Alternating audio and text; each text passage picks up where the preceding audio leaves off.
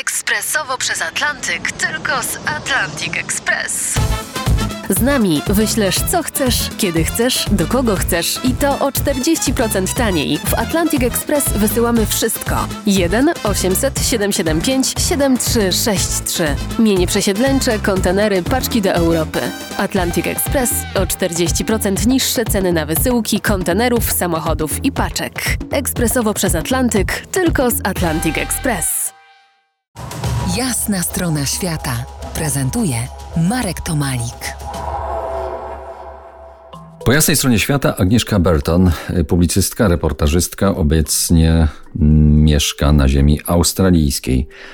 W Melbourne, a skoro mieszkasz także i w moim kiedyś y, Melbourne, to opowiedz nam o niedawnych protestach przeciwko monarchii, o prawa i o prawa aborygenów.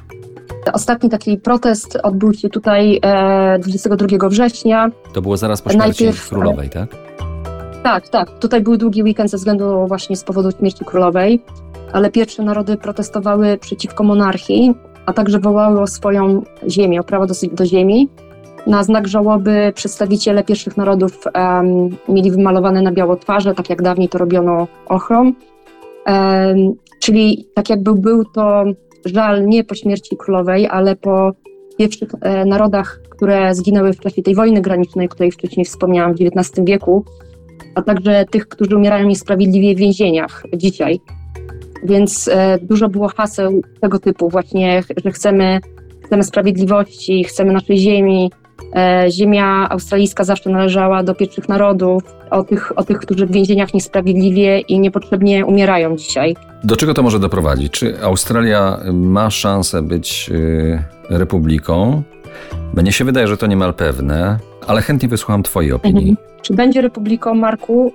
Fajnie, fajnie, gdyby tak się wydarzyło, ale niestety bardzo dużo Australijczyków uważa, że gdyby nie było króla czy królowej, to taki prezydent, dajmy na to, który zostałby tutaj wybrany w wolnych wyborach, okazałby się na przykład takim Donaldem Trumpem. Więc oni się tego strasznie boją. Oni uważają, że królowa czy król trzyma jakby pieczę nad politykami, wiesz, jakby kontroluje to. Ale na koniec chciałbym zapytać Cię o zupełnie coś innego, o turystykę, bo. Mhm bo to dla nas mimo wszystko najważniejsze. Powiedz, jak podróżuje się teraz po Australii? Ilu tam ludzi za wielkiej wody przybywa? Czy widać popandemiczne ożywienie? Z tego, co obserwuję w mediach, no to jeszcze nie wróciła ta liczba turystów zagranicznych, jaka dawniej była, bo dawniej przed pandemią to 10% PKB to właśnie w Australii była turystyka i to jeszcze chyba trochę potrwa, zanim nie wróci do takiego stanu, jaki, jaki był.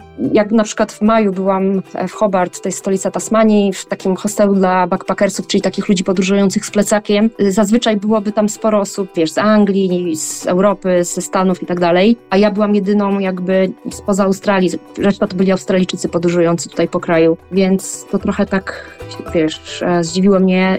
Jednak ta turystyka nie odżyła jeszcze, tak, tak jak e, to było dawniej. No, mam nadzieję, że może w przyszłym roku, może jeszcze nie w tym, ale w przyszłym roku spotkamy się w tym moim, twoim Melbourne, mm. gdzieś tam na, e, na, na, na, na szlaku. Przypomnę, moim i waszym gościem po jasnej stronie świata była Agi Burton. Agi pisze reportaże, teraz pisze książkę. Jak będzie książka gotowa, to będę jednym z pierwszych, który będzie prosił o, o możliwość przeczytania i, i, i, myślę, że wrócimy do, do, do, do, tych ciekawych wątków, o których dzisiaj rozmawialiśmy. Dziękuję Ci tutaj za Twój czas tam po ja daleko za, mhm. y, dla nas. Serdecznie dziękuję Marku za rozmowę. To była jasna strona świata w RMF Classic.